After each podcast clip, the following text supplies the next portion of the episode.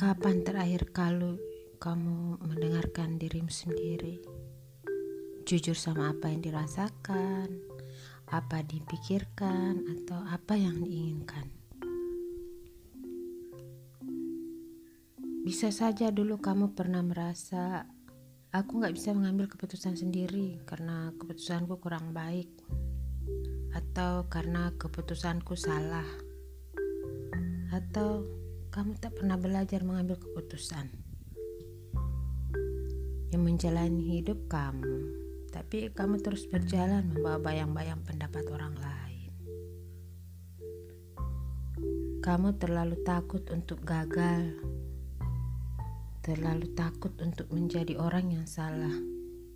Karena itu, kamu menggantungkan keputusanmu ke tangan orang lain, agar mungkin pada akhirnya, jika gagal, itu bukan sepenuhnya salahmu. Apa seperti itu? Kamu takut menyesal dan kehilangan kesempatan. Tak ada pilihan 100% baik kok. Dan beruntung semuanya ada resiko. Ada plus minusnya. Jadi jujurlah. Sebenarnya apa yang kamu takutkan itu sebenarnya tidak ada.